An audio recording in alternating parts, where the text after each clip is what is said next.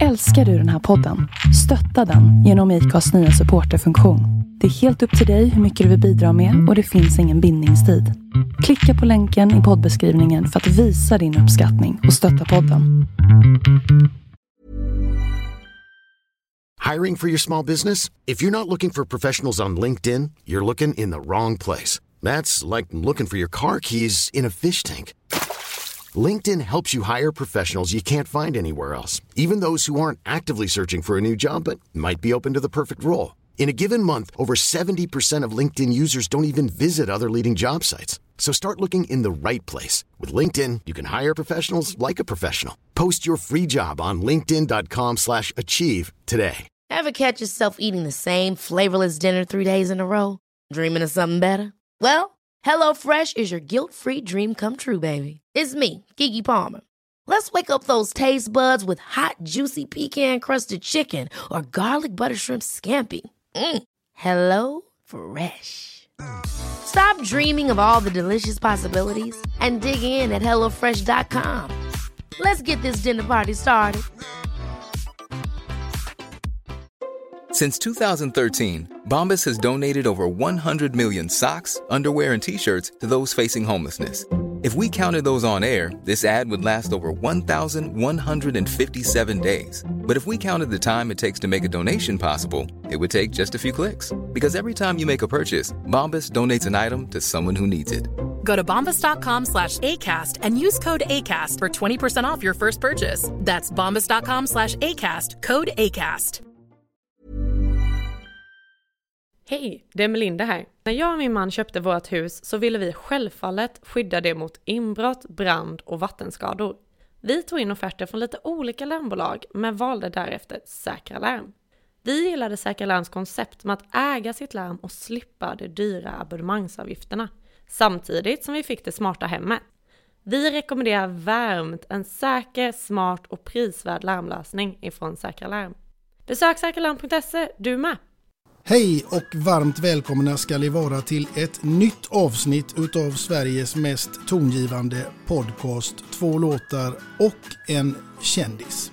Det finns många oförglömliga målvaktshjältar i Tre Kronor och alla har vi våran egen favorit som har gjort stordåd mellan stolparna i olika generationer. Och idag kära lyssnare så har jag min egen målvaktshjälte ifrån Tre Kronor men också ifrån när han spelade i klubbar som Leksand, Frölunda, New York Islanders och Quebec. Kära lyssnare, låt mig nu med största stolthet och respekt välkomna en utav vår tids bästa hockeymålvakter genom alla tider, Göran Högosta. Tack så mycket. Du, det är en stor ära att få komma hit och träffa dig här idag. Ja, det är kul att du tycker det.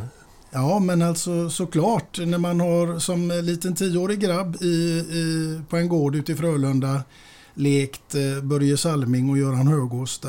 Det är härliga minnen. ja, det förstår jag. Sånt där får man höra lite då och då när, när eh, framförallt killar då höll på att spela eh, hockey på bakgårdarna och så vidare. Då, då var de Göran Högosta och som du säger Börje Salming och andra kändisar. Mm, absolut. Du, jag tänker att jag ska inleda dagen här till ära med att fråga hur det står till med Göran Högosta idag. Jo, det är riktigt bra. Jag har inga större krämpor. Det är väl lite smått och gott som har kommit med åren. Då. Jag har opererat bägge höfterna, bytt höftkuder och sådär. Men det fungerar bra. Jag och sonen vi beger oss till fjälls på hösten och jagar ripa. Då kan man gå cirka tre mil om dagen och sådär. Så att det fungerar bra. Tre mil om dagen? Ja, ungefär. Herregud. Du, det låter som att du skulle kunna ta en period i elitserien. Nej, det, jag har äh, lagt grejerna på, på vinden för gott nu efter andra höftoperationen. Jag, jag, jag, stod någon sån här jubileumsmatch i Leksand en period eh, efter första höftledsoperationen. Men nu får det vara bra. Nu får det vara bra. Jajamän. Men du, eh, du är ändå och tittar på dem emellanåt och, och så vidare här i Leksand? Ja, jag åker upp någon sväng då och då. Det blir väl inte allt för ofta men emellanåt så åker jag dit. Den 19 november så är jag dit. Då har de bjudit in lite gamlingar som vi träffas och käkar middag före och, och ser på matchen. Och, och talar om att det var bättre för. Var det bättre för handen på hjärtat? Nej, var tid har ju sitt. Så att eh, det var ju ett helt annat spel förr då. Och eh, det fanns ju mera plats kanske för individuella prestationer och sådär. Och nu är det väl väldigt sällan man ser de här individuella prestationerna. Där man tar bort varandra på ett helt annat sätt idag. Det går mycket fortare. Mm. Är målvaktsspelet annorlunda från din tid till idag? Ja, det är helt annorlunda. Det är totalt två olika stilar kan man säga. Att, eh, nu, dels har man, eh, man satsar på väldigt långa målvakter för det mesta och eh, de har stora skydd. De täcker av bra. De går ner på knä och är man då lång då täcker man det mesta även ganska högt upp. Men det finns gluggar där också så att eh, jag har väl vissa synpunkter på att eh, man kanske skulle titta lite, lite grann bakåt i tiden också och försöka kombinera vissa moment i, i målvaktsspelet med lite gammalt också. Det tror jag skulle vara ett bra tips. Det tycker jag gäller även i ämnet fotboll faktiskt. Ja. Men du, eh, jag tänker att Alf Göran Högosta född den 15 april 1954 i Äppelbo. Ja, och för de som inte vet var Äppelbo ligger, det ligger eh, strax norr om Vansbro. Eh, Vansbro är lite mera känt med Björn Skifs och, och, och, med flera personer som kommer därifrån. Men i alla fall i Äppelbo, där är jag född, eh, ja, på Malungsbe rättare sagt. Och eh, eh, min far kommer ifrån Dala-Järna som inte ligger långt därifrån. Så att där är han uppväxt och där har jag tillbringat mycket tid som liten grabb med min farfar. Jag började vara med honom ute på älgjakt när jag var redan ja, 8-9 år. Tog ledigt en tre dagar från skolan och sådär. Så att där fick man sitt eh, stora jaktintresse som jag har. Det har följt dig sedan dess? Jajamensan. Ja. Vad häftigt att kunna vara ledig en, två, tre dagar från skolan för att få vara med på något sånt där spännande. Ja, det gick bra de första åren där. Det var inga problem. Men sen när jag kom upp i, jag tror det var i, i femte klass, då var det jag fick gå till rektorn och fråga om lov och eh, nej, han tyckte inte att jag skulle få ledigt. Men eh, då sa jag det åt honom, du det är väl bättre att jag sitter i skogen och, och tänker på skolan än att jag sitter i skolan och tänker på skogen, sa jag. Ja, du får ledigt, sa han. så han höll med. ja, var, du var en taktiker redan då. Ja, man får lov att lägga upp det på rätt sätt. Ja, helt rätt. Du, eh, den här podden den handlar ju till stor del om ämnet musik, även om vi ska prata mycket om din fantastiska karriär också. Men jag tänker att musik är ett ämne som berör oss alla människor på ett eller annat sätt, oavsett om man är musikalisk eller inte. Ja, det stämmer väl. Jag själv är väl ingen, eh, har aldrig hållit på att spela något sådär. Min mor försökte få mig att spela piano. Och snäll som man var då när man var kanske i tioårsåldern så, där, så, så ställde man väl upp på det och åkte buss och, och så vidare till pianolektionerna. Men sen hörde hon att jag pratade med min bror som är fem år äldre och frå, då frågade jag honom du, hur gjorde du för att slippa spela piano? Då förstod hon att det var inget för mig heller. Så då, då blev det inget mer piano. Nej, där var den karriären över. Där var den karriären över, ja. ja. Du, eh, vad är ditt absolut första minne till musik som du kan härleda till från en tidig ålder? Ja, jag tror faktiskt att det är eh, jag skulle tro att jag var i fyra fem års åldern och då gick det väl någon, någon gammal platta på grammofonen hemma och en gång jag seglar i hamn, nu kommer jag ihåg att det var en låt som hette. Ja.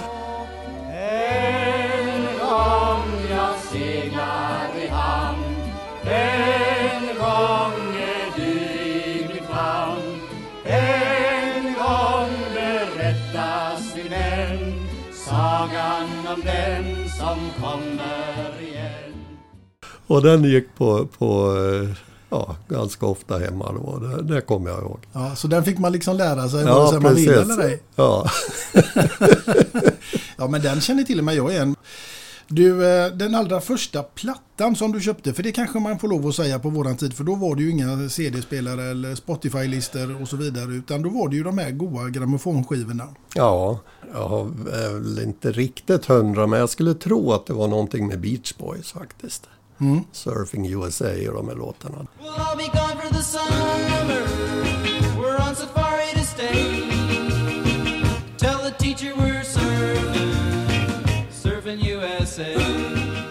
Det vet jag att man lyssnar på mycket. Riktigt gamla klassiker. Jajamän. Ja.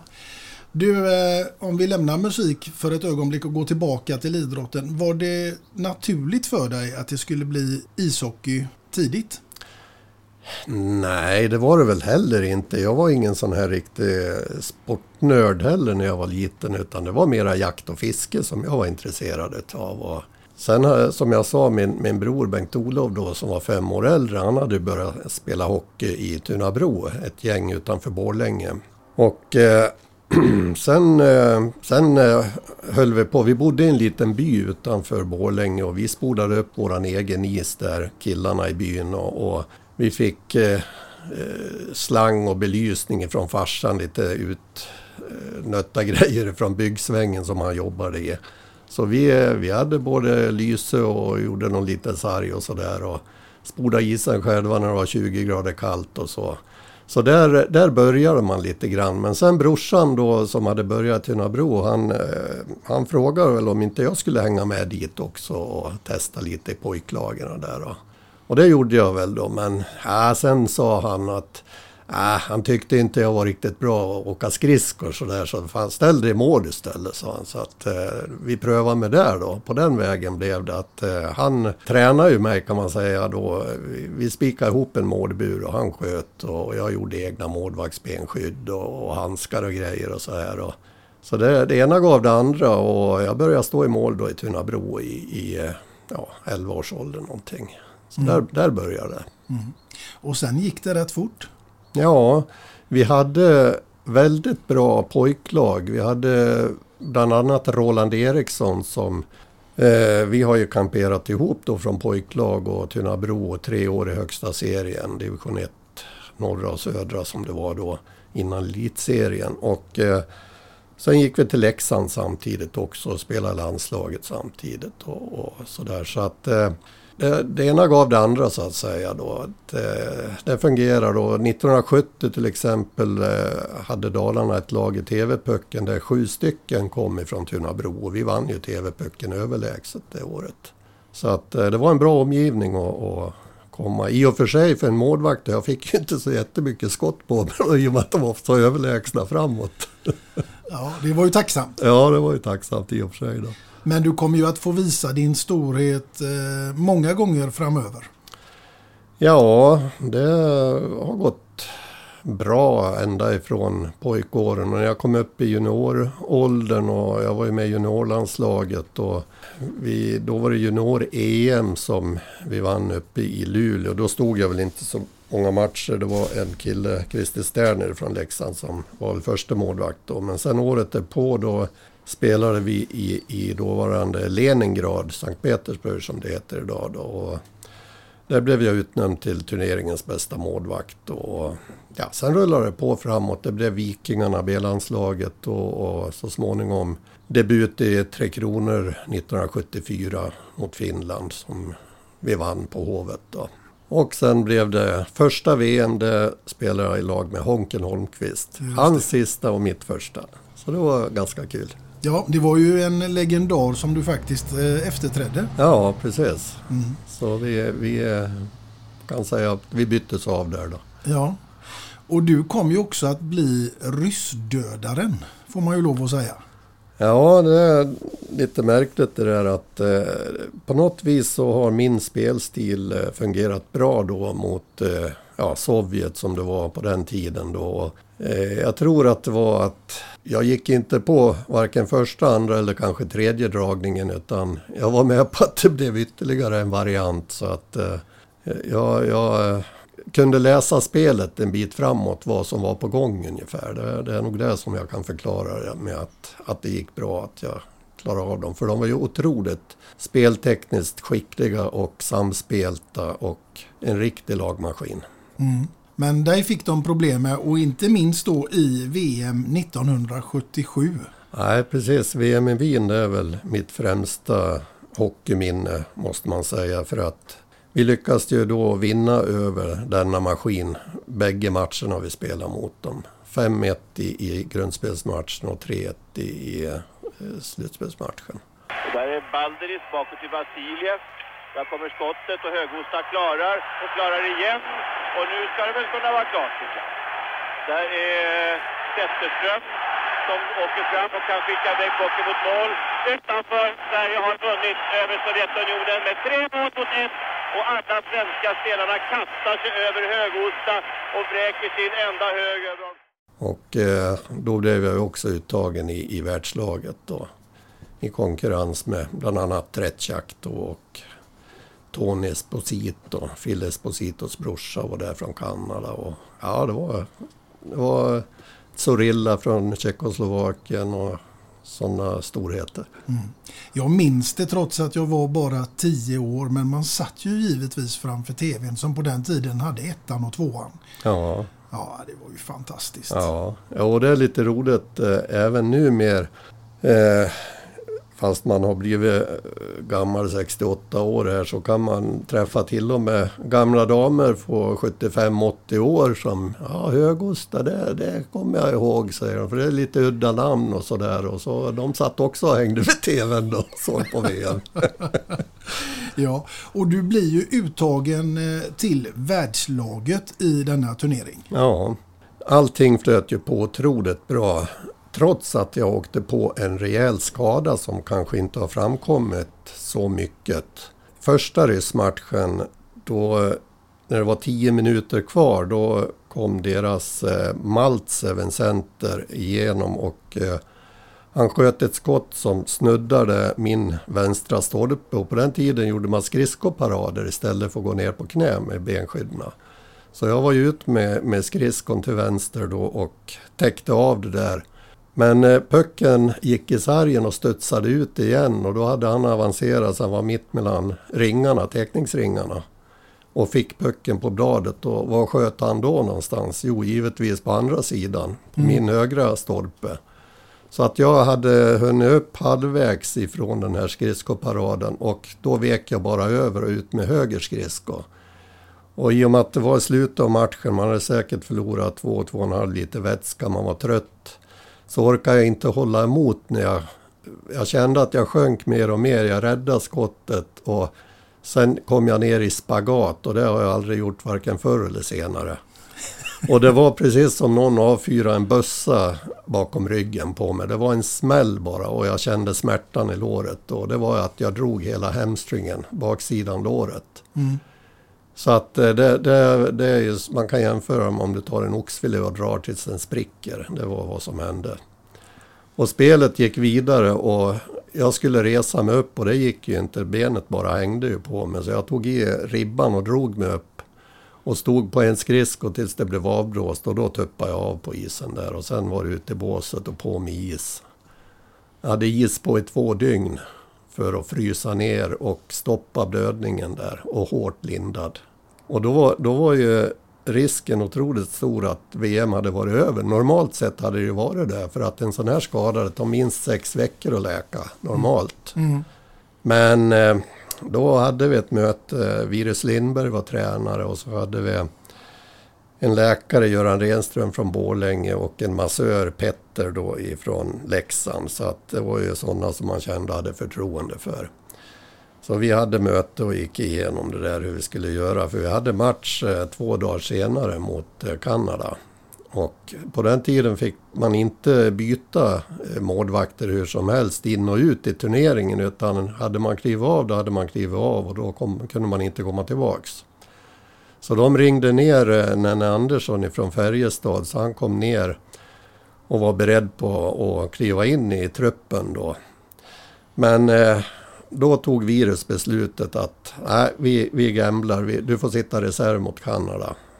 Och jag kunde sätta på mig skridskorna och glida runt på isen utan att det syndes att jag hade ont och inte kunde göra någonting med benet egentligen. Så att vi gamblade där och jag satt reserv och eh, tyvärr vi fick stryk med 7-0 den matchen då och sen hade vi vila två dagar till innan vi skulle spela. Nej, en dag till bara innan vi spelade mot tjeckerna men då stod jag tre dagar efter skadan. Men då, då hade jag eh, anammat den här nya stilen som de kör idag. Då gick jag ner på knä för att då belastar jag inte lårmuskeln. Men det, det gäller att hinna tänka också om det kommer ett skott där ute vid högra stolpen att nej jävlar så där kan jag inte göra nu. Nej, det går ju fort också. Ja, nej och sen, eh, sen så eh, ja, stod jag ju sista matchen sen mot ryssarna också. Vi fick stryk med 2-1 mot tjeckerna där och det var ju tråkigt för annars hade vi ju spelat VM-final då. Nu, nu blev det ju match att vi, vi kunde vinna silver då i sista matchen och vi vann ju då med 3-1. Mm. Och där gjorde nämnda Roland Eriksson hattrick också på Tretjak. Ja, det är inte dåligt. Det är inte dåligt. Och det är lite roligt när de spelar VM i Globen senast här.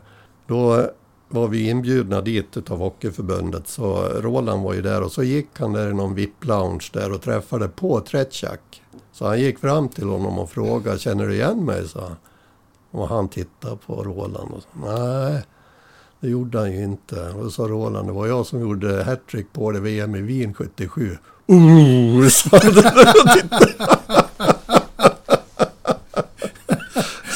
Det hade han inte riktigt smält. Nej, precis.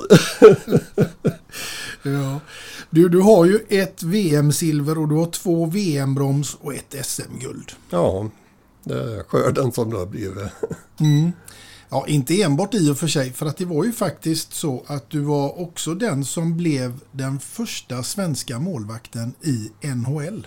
Ja, det, jag signade i alla fall kontraktet först, det vet jag. Sen Hardy Åström var hack i häl där, så att om han stod lite före mig eller inte, det, det ska jag låta vara osagt. då. Men eh, jag är nog den första europeiska målvakt som har skrivit NHL-kontrakt. Mm.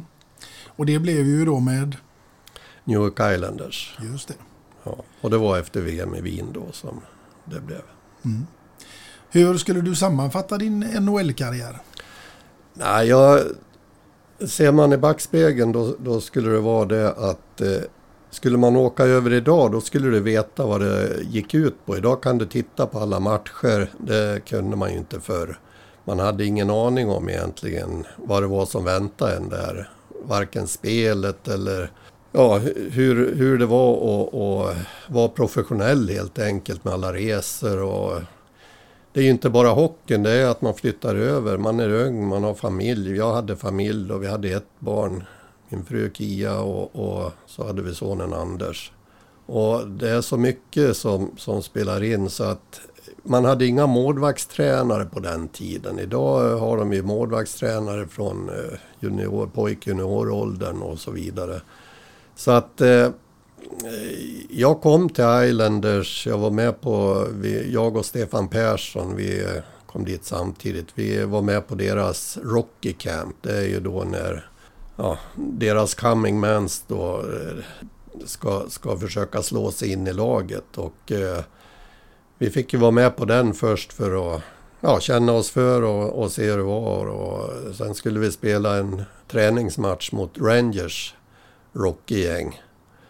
Och det gick väl två minuter så var det tomt i bägge båsen och det var fullt slagsmål på plan där. Så då undrar man lite, vad fan man kommit någonstans nu? Men då, då blir det ju att man söker ju upp varann och jag, jag satt på bänken i första perioden. Vi skulle stå halva matchen var jag och den andra målvakten. Och då blev det att deras reservkeeper, han kom och sökte upp mig. Och så högg han tag i tröjan på mig och så viskade han åt mig. Ta i fan, ut som att vi slåss lite, vi rycker i varann för de sitter på läktaren och kollar. så det var jag nöjd med. Ja, det var ju en bra uppgörelse. Ja, ja, precis. Nej, men sen, eh, sen eh, hade vi det riktiga träningsläget med Islanders och en del träningsmatcher och sådär. Det gick väl hyfsat på träningsmatcherna och jag vet att det var nog inför andra säsongen som då gjorde jag några riktigt bra träningsmatcher. Men de hade två av ligans fem bästa målvakter Chico Resch och Billy Smith hette de. Så det där med management och, och, hur de tänker när de värvar nytt och köper nya spelare, det är svårt att förstå. Men jag tror deras tanke var att nej, vi kör med, med våra två, men är det så att vi ser att, att Göran kan gå in till 100 procent då säljer vi en av dem och får några bra utespelare istället. Jag tror att det var lite deras tankegång. Men eh, jag fick aldrig till det där jämna spelet och det krävs där borta att du ska stå på tå i varenda match i stort sett som det står. Och eh, i och med att jag inte gjorde det där då, då fick jag sitta på bänken och jag fick åka med då på bortamatchen. Då fick en av de här etablerade stanna hemma och ta det lugnt istället. Så då var det ännu svårare att, att slå sig in då i och med att det fanns alltid en utvilad av dem då och hoppa in och, och spela. Mm. Så att eh, andra året då var jag i Islanders farmarlag i Fort Worth i Texas. Och där ser man ju lite grann då vad livvägen man är. Jag blev nerskickad dit. Eh, min fru Kia då väntade barn. Skulle föda inom en månad. Det var bara att packa ihop och dra. Man, vi hade ju kollat upp med eh, BB och läkare och allt vad det heter på Long Island där. Och det var bara att göra om resan nere i Fort Worth i Texas istället. Så att eh, det, det, är tuffa grejer och, och det här och, och, leva med det här med att du, du kan få flytta eh, pang bom bara. Mm. Det är ett telefonsamtal så är det bara att packa och dra. Då får du åka själv och sen får ju frugan ta hand om resten hemma och packa och, och så vidare och så vidare. Så att, eh, det, det är ganska tufft. Eh, efter den säsongen då pratade jag med general managern Bill Torrey där att jag såg gärna att de gjorde en deal med något annat lag så jag kanske fick en chans att spela i NHL riktigt. För jag hade ju bara gjort ett inhopp i Islanders då. Och eh, då blev det så att de gjorde en deal med Quebec Nordics. Och det var deras första år i NHL för de kom ifrån den här piratligan VHA. Så att eh, det var väl inget supergäng då eh, första året som jag kom dit. Men där fick jag i alla fall spela. Jag tror det blev 21 matcher för dem då. Jag fick vara med om att, att hålla första nollan i NHL för Quebec då. Det var eh, 3-0 mot Chicago Blackhawks. Så att eh, sådana minnen är ju kul att ha. Såklart. Ja. Men du, jag tänker att med det här livet så, så vill det ju till att, att den ekonomiska ersättningen eh, är skälig. Var den det på den tiden? Ja, det, det var den väl kan man säga, även om det är ju småpotatis mot vad de tjänar idag. Jag hade ju ett envägskontrakt så att jag fick ju samma pengar om jag åkte ner i farmarlaget eller om jag spelade i, i Islanders eller i Quebec då. Så att ur den synvinkeln var det ju inga problem. Men eh, jag vet att dollarkursen var nere på 4,20 ett tag så att det var ju ingen höjdare heller. Nej. Jämfört med idag när det är på 11,20 eller något. Ja, det är lite skillnad. Ja, nej, så att eh, det var ju inte... För att börja tjäna de större pengarna även på den tiden så gällde det ju att man eh, etablerade sig och fick skriva nytt kontrakt. Det var ju då som, som lönen började gå upp rejält. Men det var ju en tid som man, man levde ju bra både där borta och även man åkte hem över sommaren och hade det bra här hemma. Men det var ju inte att man kunde lägga några pengar på hög. Det var det ju inte tal om. Hiring for your small business? If you're not looking for professionals on LinkedIn, you're looking in the wrong place. That's like looking for your car keys in a fish tank. LinkedIn helps you hire professionals you can't find anywhere else, even those who aren't actively searching for a new job but might be open to the perfect role. In a given month, over 70% of LinkedIn users don't even visit other leading job sites. So start looking in the right place. With LinkedIn, you can hire professionals like a professional. Post your free job on linkedin.com slash achieve today. Ever catch yourself eating the same flavorless dinner three days in a row? Dreaming of something better? Well, HelloFresh is your guilt-free dream come true, baby. It's me, Gigi Palmer. Let's wake up those taste buds with hot, juicy pecan-crusted chicken or garlic butter shrimp scampi. Mm. Hello Fresh. Stop dreaming of all the delicious possibilities and dig in at HelloFresh.com. Let's get this dinner party started. Nice. Yeah. What you're hearing are the sounds of people everywhere putting on Bombas socks, underwear, and t-shirts made from absurdly soft materials that feel like plush clouds. Yeah, that plush. And the best part? For every item you purchase, Bombas donates another to someone facing homelessness. Bombas. Big comfort for everyone. Go to bombas.com slash ACAST and use code ACAST for 20% off your first purchase. That's bombas.com slash ACAST. Code ACAST. Planning for your next trip?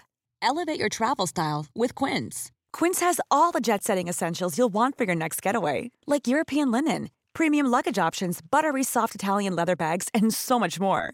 And is all priced at 50 to 80% less than similar brands. Plus, Quince only works with factories that use safe and ethical manufacturing practices. Pack your bags with high-quality essentials you'll be wearing for vacations to come with Quince. Go to quince.com slash pack for free shipping and 365-day returns. Nej. Du Göran, vi ska ta oss faktiskt ifrån NHL och den resan till en helt annan resa. För nu är det så att vi ska leka lite grann med din fantasi. För att du ska få vara på en öde ö i ett helt år och du får bara välja en enda plats platta att ta med dig dit ner. Oj.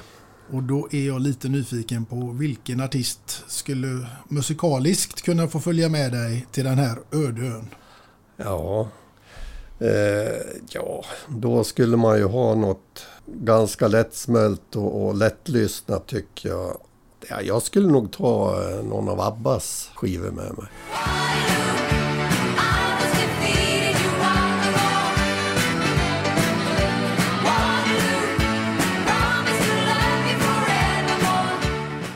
De lyssnar man ju på mycket då på 70-talet där och sådär. Och framförallt när man var i utlandet och man var i Ryssland, Tjeckoslovakien och, och så vidare. Och då var det populärt att lyssna på ABBA. Ja, det kan jag tänka mig. Ja, De är ju stora faktiskt än idag ja, ja säga. precis. Du, eh, vi ska fortsätta nu här i musikens tecken därför att jag tänker också att jag ska fråga dig, var det svårt för dig att välja ut två låtar till- tills idag? Du ska inte avslöja dem ännu, men eh, Ja, det är klart.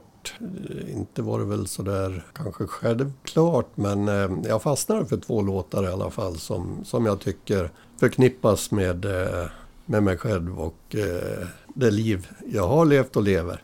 ja, härligt, spännande. Ja. Det ska vi se fram emot och att du ska få avslöja vad det kommer att bli. Du, jag hade ju tidigare gäster här i podden som Börje Salming och Anders Broström och jag vet ju att du och Anders Broström ni spelade ju bland annat ihop i, i Frölunda. Och han berättade för mig i poddavsnittet om eh, när de var ett gäng killar där som åkte till träningarna i Frölunda så spelade de en viss låt med Magnus Uggla. Jag vet inte riktigt om du var med i den bilen eller om du hade någon annan eh, låt som du eh, ofta värmde upp till och körde till eller taggade till till i, i hockeyn. Nej, jag var väl inte med i den bilen för vi bodde på lite olika håll där i Göteborg. Så att, eh, nej, faktiskt inte. Jag har aldrig varit så där att jag har haft eh, musiken där att jag ska lyssna på utan eh, när jag eh, kommer till hallen och så vidare då, då i, framförallt i Göteborg där hade vi målvakter ett eget rum granne med, med de övriga killarna som vi bytte om för oss själva. Och där tyckte vi om att det var ganska tyst och vi kunde prata med varandra lite och ladda upp inför matchen. Sen eh, inför värmningen då gick vi över till de andra och satt oss och sen satt vi ju där då inför match då givetvis. Frölunda, Frölunda, vårt vilda tuffa gäng. Frölunda, Frölunda, nu strider vi för två poäng. Och det, det var min grej. Men ni målvakter hade alltså ett eget omklädningsrum från de andra spelarna? Ja, vi satt vägg i vägg då som en dörr emellan där bara. Så att eh, det var ganska skönt att ha lite lugn och ro där före matcherna tycker jag. Jo, men jag tänker ju också att musik, eh, även i hockeyn, eh, inte minst då när ni var i Tre Kronor, när man står där ute på isen och ni fick höra nationalsången spelas. Det måste väl ha varit eh, otroligt eh, häftigt ändå? Ja men så är det ju alltid och det hör man ju av alla eh, och kvinnor då i, i landslagssammanhang att det, det är något speciellt att dra på sig den blågula tröjan och eh, stå och lyssna på nationalsången. Framförallt efter matchen om man har vunnit. Ja, då är det lite lättare. ja, precis. Ja. Du, nu är det faktiskt så Göran att vi börjar närma oss ditt första låtval som jag är extremt nyfiken på vad det skulle kunna vara och med vem och självklart inte minst varför. Mm. Jo, det är så att eh, på 70-talet, början på 70-talet så träffade jag min blivande fru Kristina. Och det är även min nuvarande fru, så vi har snart 47 år bröllopsdag. Och då var det en eh, låt som spelades frekvent på radio och det var Rose Garden med Lynn Anderson. Just det. Ja. Och eh, numera är det ju Jill Johnson som har gjort en, en fin eh, version av den så att eh, hon gör den ju minst lika bra. Så vem eh, tycker du att vi ska köra den med här idag? Ja, vi, vi kan köra Jill Johnson tycker jag.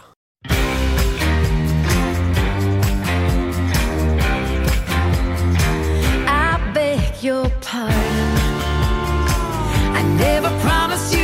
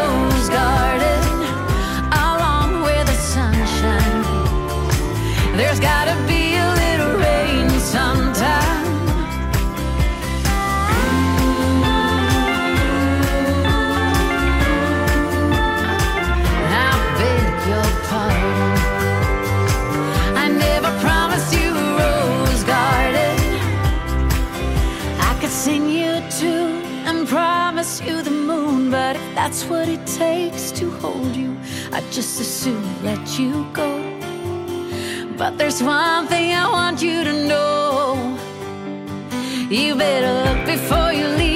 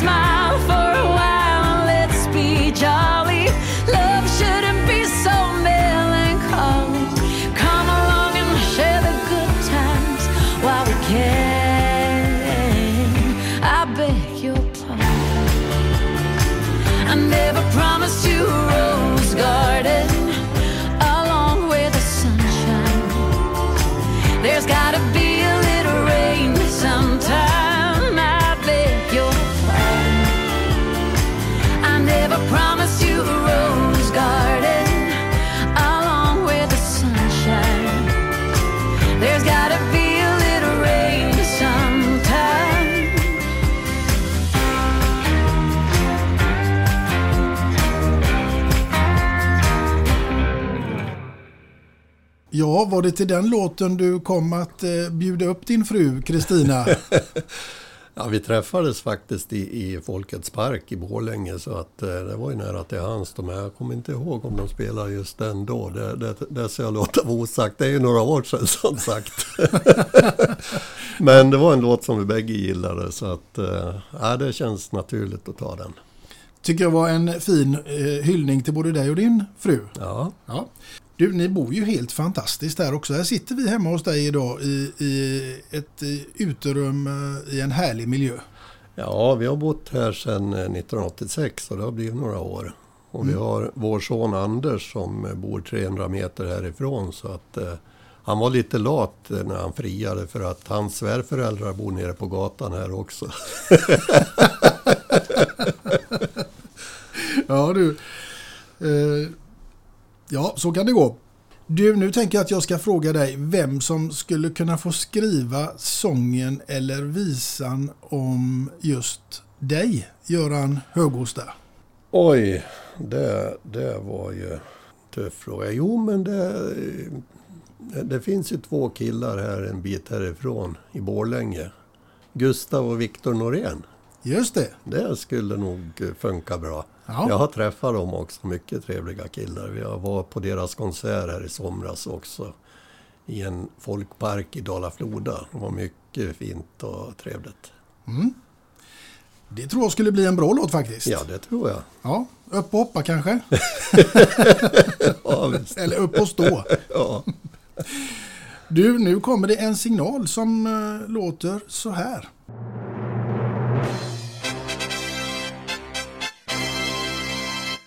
Och då Göran, då är det dags för fem snabba. Har du fått det någon gång förut?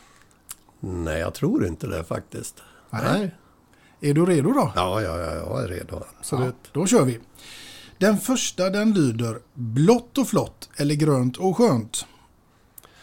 Grönt och skönt. Levergryta eller surströmming på tallriken i en hel vecka framöver. Ja, det blir garanterat levergryta och då blir det på älgkalv. För det brukar alltid ta rätt på levern när jag skjuter en älgkalv. Det var ingen svår fråga med Nej, det var det inte. Jag, jag kan pina i med surströmming också, men det är ingen favorit. Nej. Du, den tredje lyder fulöl och fuldans eller skumpa och rumba. Ja, jag tar nog fulöl och fuldans. Ja. Jag har ju jobbat i bryggeribranschen i, i 19 år. Så att... Ja, då var det också ett naturligt val. Precis. Ja. Du, nu kommer vi till något eh, lite mer intressantare för den fjärde frågan den lyder 10 slagskott utan klubba i målet ifrån Leif GW Persson eller Kalle Moreus. Ja, jag tar nog Kalle Moreus. Vi har träffats på jakt här en gång och, och det är ju en trevlig kille och jag skulle nog kunna läsa av honom ganska bra. Så att Ja, vi tar Kalle. vi tar Kalle där ja. Du, den femte den lyder Kung i baren med Magnus Uggla eller Främling med Carola. Kung i baren. Kung i baren. Absolut. Absolut. Ja, det var- gick ju bra. Det var inga konstigheter på de Nej, här. nej, det var ju ganska så givna svar tycker jag. Ja. Du, eh, roligt eh, ämne ändå får man säga och vi ska faktiskt fortsätta med det lite grann här för att eh, jag tänker att du känner väl till eh, Snövit och de sju dvärgarna. Ja, Det är bra därför att din uppgift nu den blir här att placera ut några av alla de hockeyspelare som du spelat med eller emot under din karriär och som här passar in under respektive karaktär. Och eh, då börjar vi med den första som är Kloker. Åh, Kloker, ja. Jag säger nog Mats Åhlberg. Det var en klok och förståndig man. Han hade många rävar bakom öronen när han spelade. Ja, det var ändå ett bra betyg. Ja. Ja. Vi får se om nästa är lika bra för då går vi till dess motsats och det blir ju Toker. Toker. Mm. Den var ju lite knepigare. Ja, men vi, vi tar Hasse Jacks i Leksand. Ja, Han, han kunde göra tokiga grejer med pucken, men det brukar bli bra i slutändan i alla fall. det är bra. Du, nu ska vi se vem som får den stora äran att bli Trutter. Ja, trötter. Ja, egent- egentligen skulle den också gå till Mats Åhlberg för han var ju ingen sådär riktig träningsnarkoman utan han tog det ganska lugnt. Men ja, jag måste ju hitta på någon annan. Men vem ska det vara? Någon som var lite seg på att jobba hem. Ja, det stämmer ju också in på Mats. Han såg man aldrig till i, i försvarszon i stort sett. Utan, Ska han få den en till då eller? ja, jag måste nästan göra det för att det stämmer så bra in där också. Så. Ja, Ja, det får bli så. ja. Han fick den också, Mats Ja. Åhlberg. Ja. Då går vi till nummer fyra och det blir Butter. Mm. Ja, det får nog bli eh, Emil Mesaros i Frölunda. Han spelade med i Frölunda och han var väl inte någon spillevink direkt utan... Nej, det får det bli. Ja, Emil Mesaros får den. Du, vi tar oss från Butter till Glader. Mm, ja, det finns det ju många. Men eh, en som jag kamperade ihop med mycket i landslaget, det var ju Ville Löfqvist. Vi delade ju rum och, och så här och ja, alla samlingar vi hade med laget så hade, var ju stämningen på topp hela tiden. Ja. Men sen när vi kom upp på rummet då var det precis som att då fick han lov att ladda om. Så då, då sa han inte så mycket utan då låg han och laddade om där. Och sen när vi träffades igen då var det full fart och flaggan i topp. Ja, lite återhämtning. Ja, precis. Mm. Du, från Glader till Blyger. Mhm. Ja, men man kan ju ta en situation då. Sen var ju inte den här killen så värst blyg direkt. Men, men Börje Salming som du även har haft med i programmet och hans, eh, när han blev utsatt för standing ovations i Canada Cup. Då var han ganska blyg. Han åkte runt på isen och visste inte vart han skulle ta vägen någonstans. Och, och alla, garanterat alla i truppen som, som var i Toronto Maple Leafs Garden då, vi hade ståpäls. Och, det, och då, det säger lite grann om hur stämningen var i hallen då. Mm. Ja, verkligen. Det var Ja. helt otroligt Ja. alltså. Ja. Lite Blyger till Börje Salming. Ja. Du, vi tar oss till den sista karaktären här och det är Prosit. ja, det ska ju också vara någon, någon glad gamäng. Och lite hejsan hoppsan. Ja, lite ofta i sjukstugan kanske. ja. ja, vi tar, vi tar uh, Lars-Erik Esbjörs. Lars-Erik Esbjörs får den ja. Han tar vi. Ja, Där, där vilar inga ledsamheter. det vill jag inga ledsamheter. Nej. Nej, härligt, härligt. Du, nu undrar jag följande här så du, för att du ska få vara i följande scenario. Och det är nämligen att du är i final i Let's Dance. Kommer aldrig att hända. Nej, men i fantasins tecken här idag så händer det helt plötsligt. Göran Högåsta, du är i final i Let's Dance och jag vill veta med vem du hade dansat och nu till vilken låt detta hade fått utspela sig till. Oj, oj, oj, oj, oj, oj, oj. Ja, det var ju inte lätt. Jag ska tillägga här att det är bara fantasin som Ja. sätter gränserna så du får dansa med precis vem du vill. Ja, det. Ja, varför inte Céline Dion kanske? Och en, en av hennes låtar. Ja, absolut. Ja, det hade inte varit så tokigt kanske. Det tycker jag inte, nej. Det var ett bra val. Men vilken låt hade det fått bli utav alla hennes hits? Ja, det. Ja, men då hade jag tagit eh, My Heart Will Go On med Céline Dion. Near, far,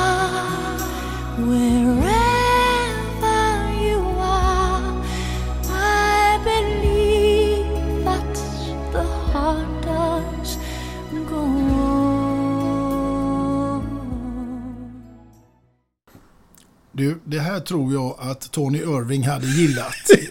Frågan är om ni inte hade vunnit den här finalen. Om man vet aldrig. Ja, det tror jag. Nu när vi ändå är inne på ämnet musik så eh, tänker jag att vi ska fortsätta i det tecknet därför att nu blir det ett nytt scenario här och det är att eh, du ska ha en middagsgäst här hemma. Och jag vill veta vem det hade varit, vad ni hade ätit och till vilken låt som hade fått ligga där i bakgrunden till den här fantastiska middagen. Mm. Eh, ja, middagsgäst. Det ska ju vara någon intressant som man skulle vilja prata med ditt och datt om. Och jag skulle nog ta eh, Leif GW Persson. Mm. Han är ju jägare också, så där har vi ett ämne vi kan...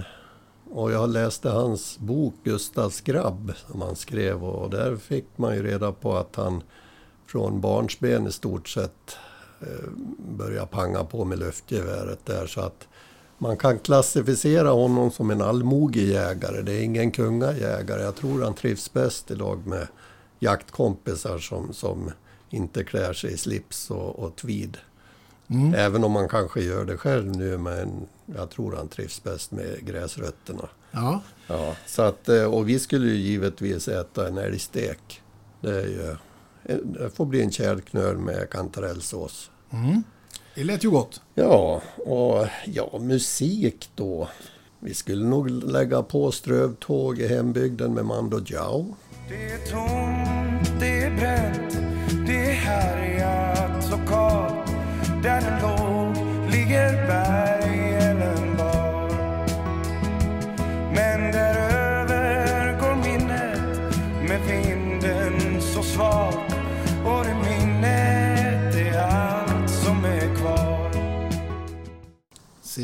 ja. Ja, det skulle nog både han och jag gilla tänka tillbaks lite kanske. Ja, det tror jag definitivt. Du, till den här älgsteken och den här fantastiska musiken. Hade det blivit öl eller vin eller vad hade det blivit till det här? Ja, då hade ju GV fått tagit med sig en, en pluntat av sitt eget rödtjut där. Så att Ja. det hade det blivit. Ja, vad hade du velat fråga honom om? Ja, det är väl ganska mycket. Som sagt, det är ju, han är ju väldigt bred och, och så vidare. I, har väl åsikter om det mesta så att det, det skulle vara allt mellan himmel och jord. Dels hans uppväxt och, och hans jaktintresse skulle jag vilja prata om. Men även eh, kriminalitet och, och hur vi ska få bukt med den kriminalitet som är i samhället idag med alla skjutningar. Det är ju helt bedrövligt som det ser ut idag. Mm. Så det skulle väl vara ett ämne som vi skulle gå igenom. Ja, då hade ni kunnat sitta och diskutera en stund. Ja, det tror jag. Ja. Det är nog inte så lättlöst. Du, vi ska gå in på något som kanske är lite mer lättlöst för att nu undrar jag så här. Du går här hemma och städar en dag. Ensam hemma och radion är på. Helt plötsligt så dyker det upp en låt på radion som du bara känner att nej, det här åker rätt av eller jag byter kanal. Ja, då kan jag väl säga att eh, hårdrock det är inte min favorit. Nej. Det, det åker av. Det åker rätt Ja. av. Ja, Och hiphop och det här det är heller ingenting som... Nej, det, det går bort. det går bort. Ja. Härligt. Jo, Göran, jag tänker att vi ska gå tillbaka faktiskt lite grann här nu till ämnet eh, hockey och eh, Leksand. För det är ju så att det är en, det är ju en riktig hockeykultur.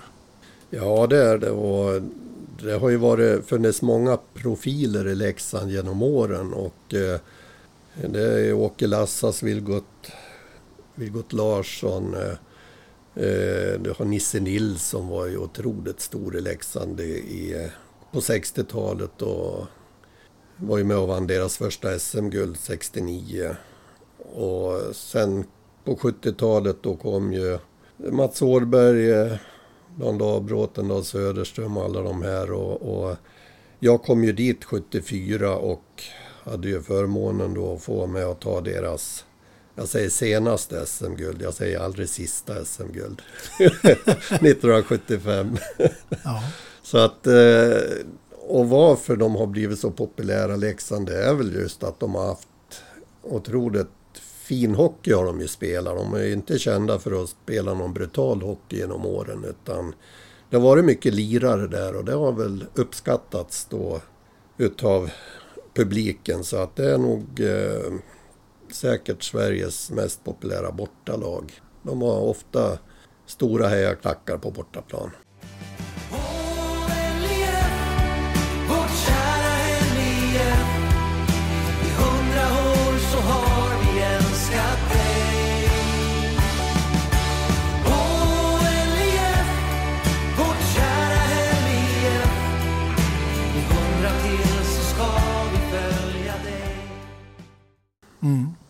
Jo, men Leksand eh, har man ju nästan aldrig hört något ont om, liksom, utan snarare tvärtom att det är ett lag som alla vill ha i elitserien. Ja, precis. Det är ju till och med folk som bor i norra Dalarna, de åker ju förbi Mora och åker till Leksand. Så att eh, de har ju en otroligt stor publik som är tillresta, för i Leksand bor ju inte mer än 8000 pers i hela kommunen. Så att eh, det gäller att de är populära och kan dra folk. Ja, verkligen. Och det gör de ju. Ja.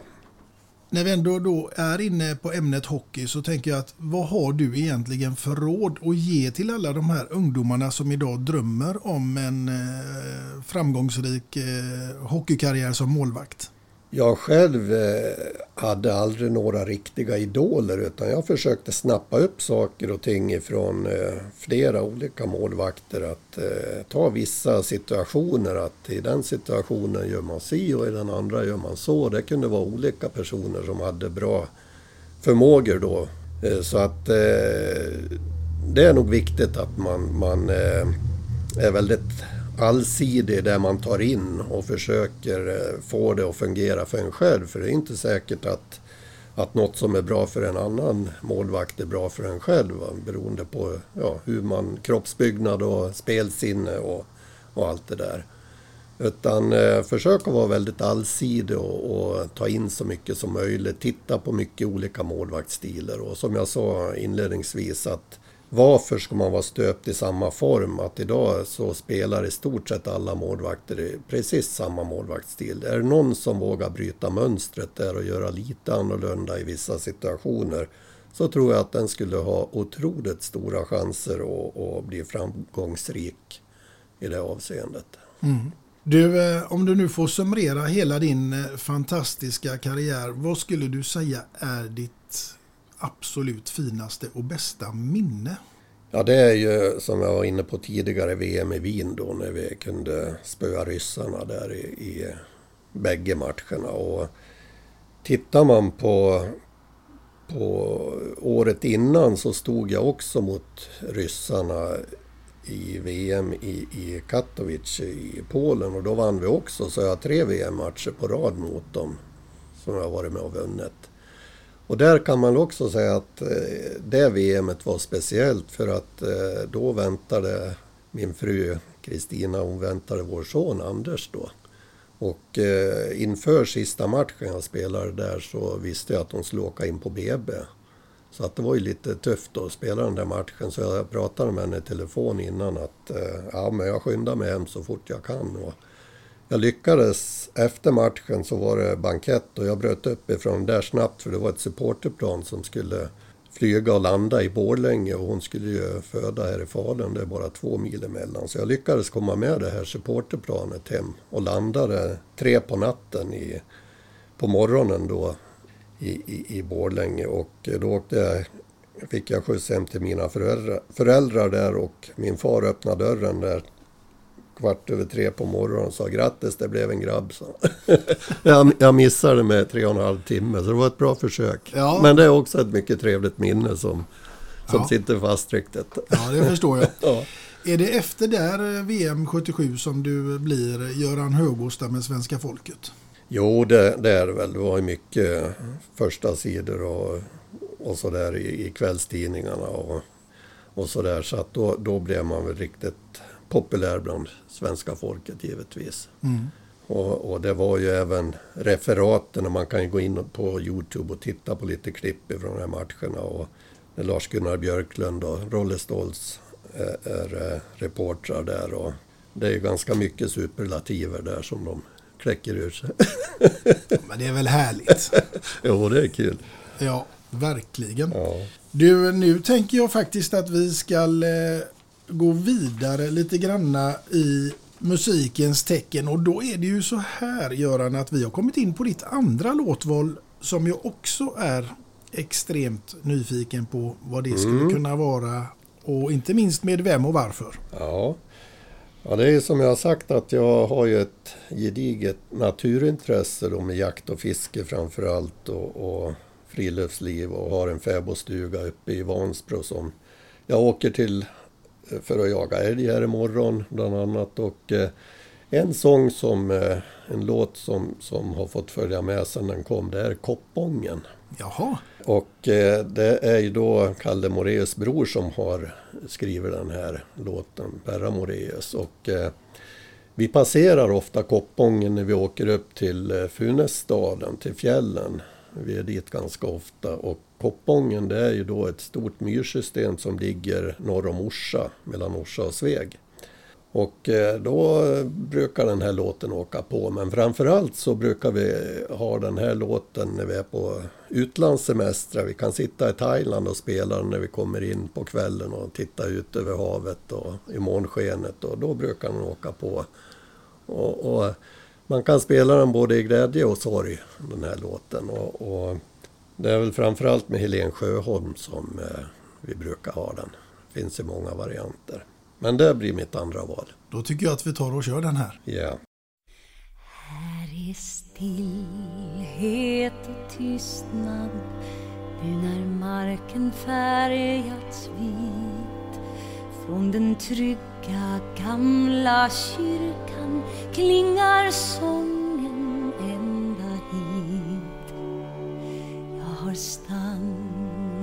stannat vid vägen för att vila mig ett tag och blev fångad i det gränsland som förenar natt och dag. Och ett sken ifrån ljusen bakom fönstrets välvda rad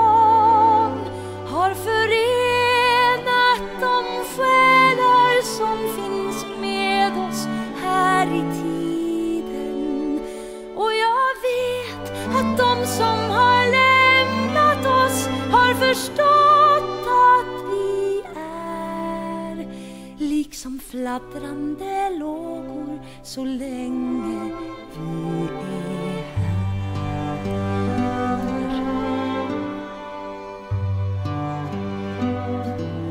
Och där bland gnistrande stjärnor som förbleknar en och en kommer livet väldigt nära som en skymt av sanning fångar i tiden som ett avtryck av en hand på ett frostigt gammalt fönster som fått nåd av tidens tand. En sekund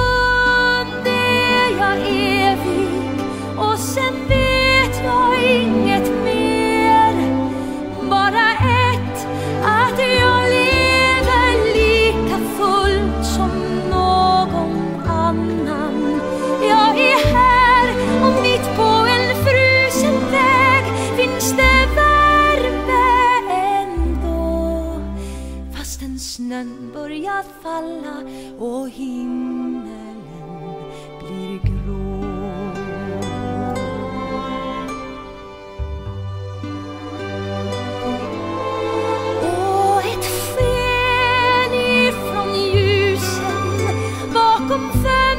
fönstrets välvda ram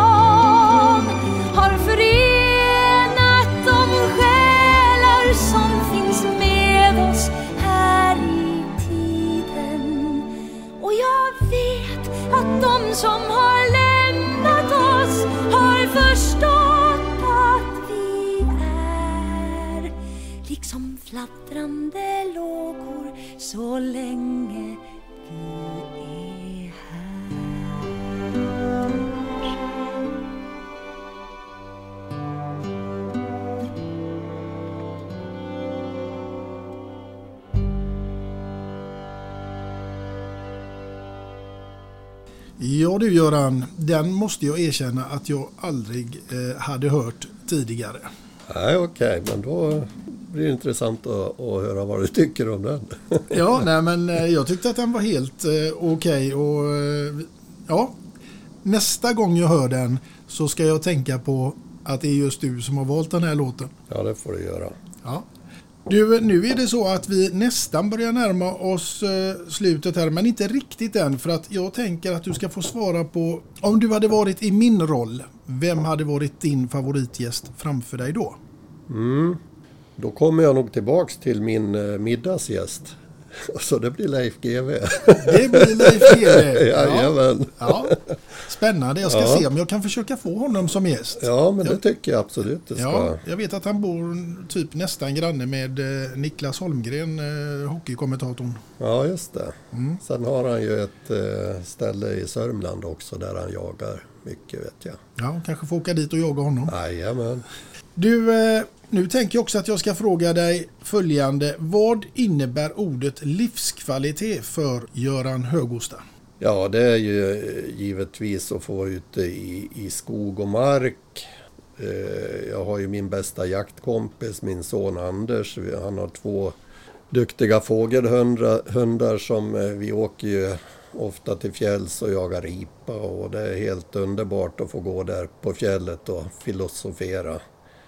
Vi har varit där uppe i Funäsdalen nu och i Grövelsjön och jagat här i höst och, och nu vecka 38 när vi var uppe då brinner fjället. Det är rött och gult och, och mycket fina färger. Och det är otroligt skönt att få gå där och, och bara njuta. Och, och även gå ut utan bössa med, med min fru på fjället och, och, bara sitta ner och, och ta in all, alla intryck. Eh, otroligt härligt. Och Sen framförallt åka upp till fäbodstugan i Vansbro. Det är också stor livskvalitet. Mm. Ja, det låter verkligen så. Ja. Ja. Du, eh, därifrån till dina morgonrutiner, hur ser de ut? Ja, när man har kommit till åren så verkar det som att man vaknar lite tidigare på morgnarna. Så att jag har eh, lite svårt att ligga kvar i sängen när jag vaknar vid sex, halv sju sådär. Så då blir det att hoppa upp och ta lite frukost framför morgon-tvn. Och sen jag, tycker jag om att hålla på och pula och greja. Jag brukar slöjda lite med några pensionärsgubbar här i en slöjdsal. Så det är en gång i veckan är vi där och gör lite fina träarbeten och sådär. Och sen tycker jag om att snickra och, och dona. Så att ja, det finns någonting att göra hela tiden. Så att det där med att bli pensionär som jag har varit nu i sex år. Det är inte att man, man har problem med att sysselsätta sig utan jag tycker att kalendern är ganska fulltecknad hela tiden. Mm. Försöka vara med barn och barnbarn och hela den biten och umgås med familjen. Och, ja, det, det finns mycket att göra. Mm. Avsätta lite tid för poddintervjuer och andra intervjuer kanske? Ja men det också, det är ju något nytt. Ja. Du, sen såg jag ju här också, du, hade ju, du gav ju mig en sån här um, salva. Jajamän. Nu får du berätta lite om den här salvan. För det, vad är detta för något? Jo, jag, jag tycker ju om naturen som sagt och jag gör min egen eh, kär och kodsalva. Jag bränner käran själv ifrån eh, eh ja, fura då, ifrån eh, kärstubbar och eh, kåda där rinner ju ur granarna ibland om de har fått någon skada så det tar jag rätt på. Sen blandar jag ihop det där med, med bivax och eh, ekologisk eh, rapsolja. Och smälter ner allt det här och häller i små burkar och sen kan man använda det där till massa olika saker. Om man har småsår eller torra nagelband eller man kan smörja hundtassar och lite av varje med den här. Så det är gamla världens eh, medicin kan man säga. Mm. Det här använde man förr i tiden innan man kunde gå till apoteket. Spännande, den ska jag prova. Ja, det ska du göra. Den Absolut. tror jag du kommer att bli nöjd med. Det är helt säkert så. Helt säkert så. Jag hoppas att du kommer att bli nöjd också därför att det jag fiskade efter när jag frågade dig om dina morgonrutiner det var om kaffet är en viktig del för dig. Ja, det är det absolut. Mm. Och eh, nu, nu fick du bryggkaffe idag, men annars så är det ju ofta kokkaffe när man är ute på fjället eller uppe, ja, ute i jakt och fiskesammanhang. Mm. Och då, då kan jag avslöja hur man ska blanda kokkaffe. Jag har aldrig något mått med mig att ha i, i kaffepannan utan man häller i först vatten och sen häller du i kaffe direkt ifrån paketet ända tills det blir en topp där så att en mus ska kunna springa torrskodd över, då är det lagom starkt. Då är det lagom Då är starkt. det lagom starkt. Då är det ingen risk att man somnar. Nej, precis. Nej. Du eh, Göran, jag hoppas att inte du ska somna till den här heller för det här är en kaffemugg med två låtar och en kändis och där det också står Göran Högosta och den vill jag räcka över till dig som ett eh, väldigt trevligt minne ifrån denna fantastiska stund. Ja, tusen tack, den var ju verkligen grann. Den, den ska jag njuta med ett kaffe Ja, i här. Så att, eh, ja, det, blev, det var trevligt. Tusen tack. du, en riktigt, riktigt stor ära att få ha med dig här som gäst i podcasten. Mm, det var kul att få vara med. Tack. Och till er kära lyssnare så säger jag ju självklart att det kommer en ny gäst framöver och vem som sitter framför mig då, ja det återstår ännu att se. Men tills dess så får ni ha det så bra där ute. Hej då! Hej då!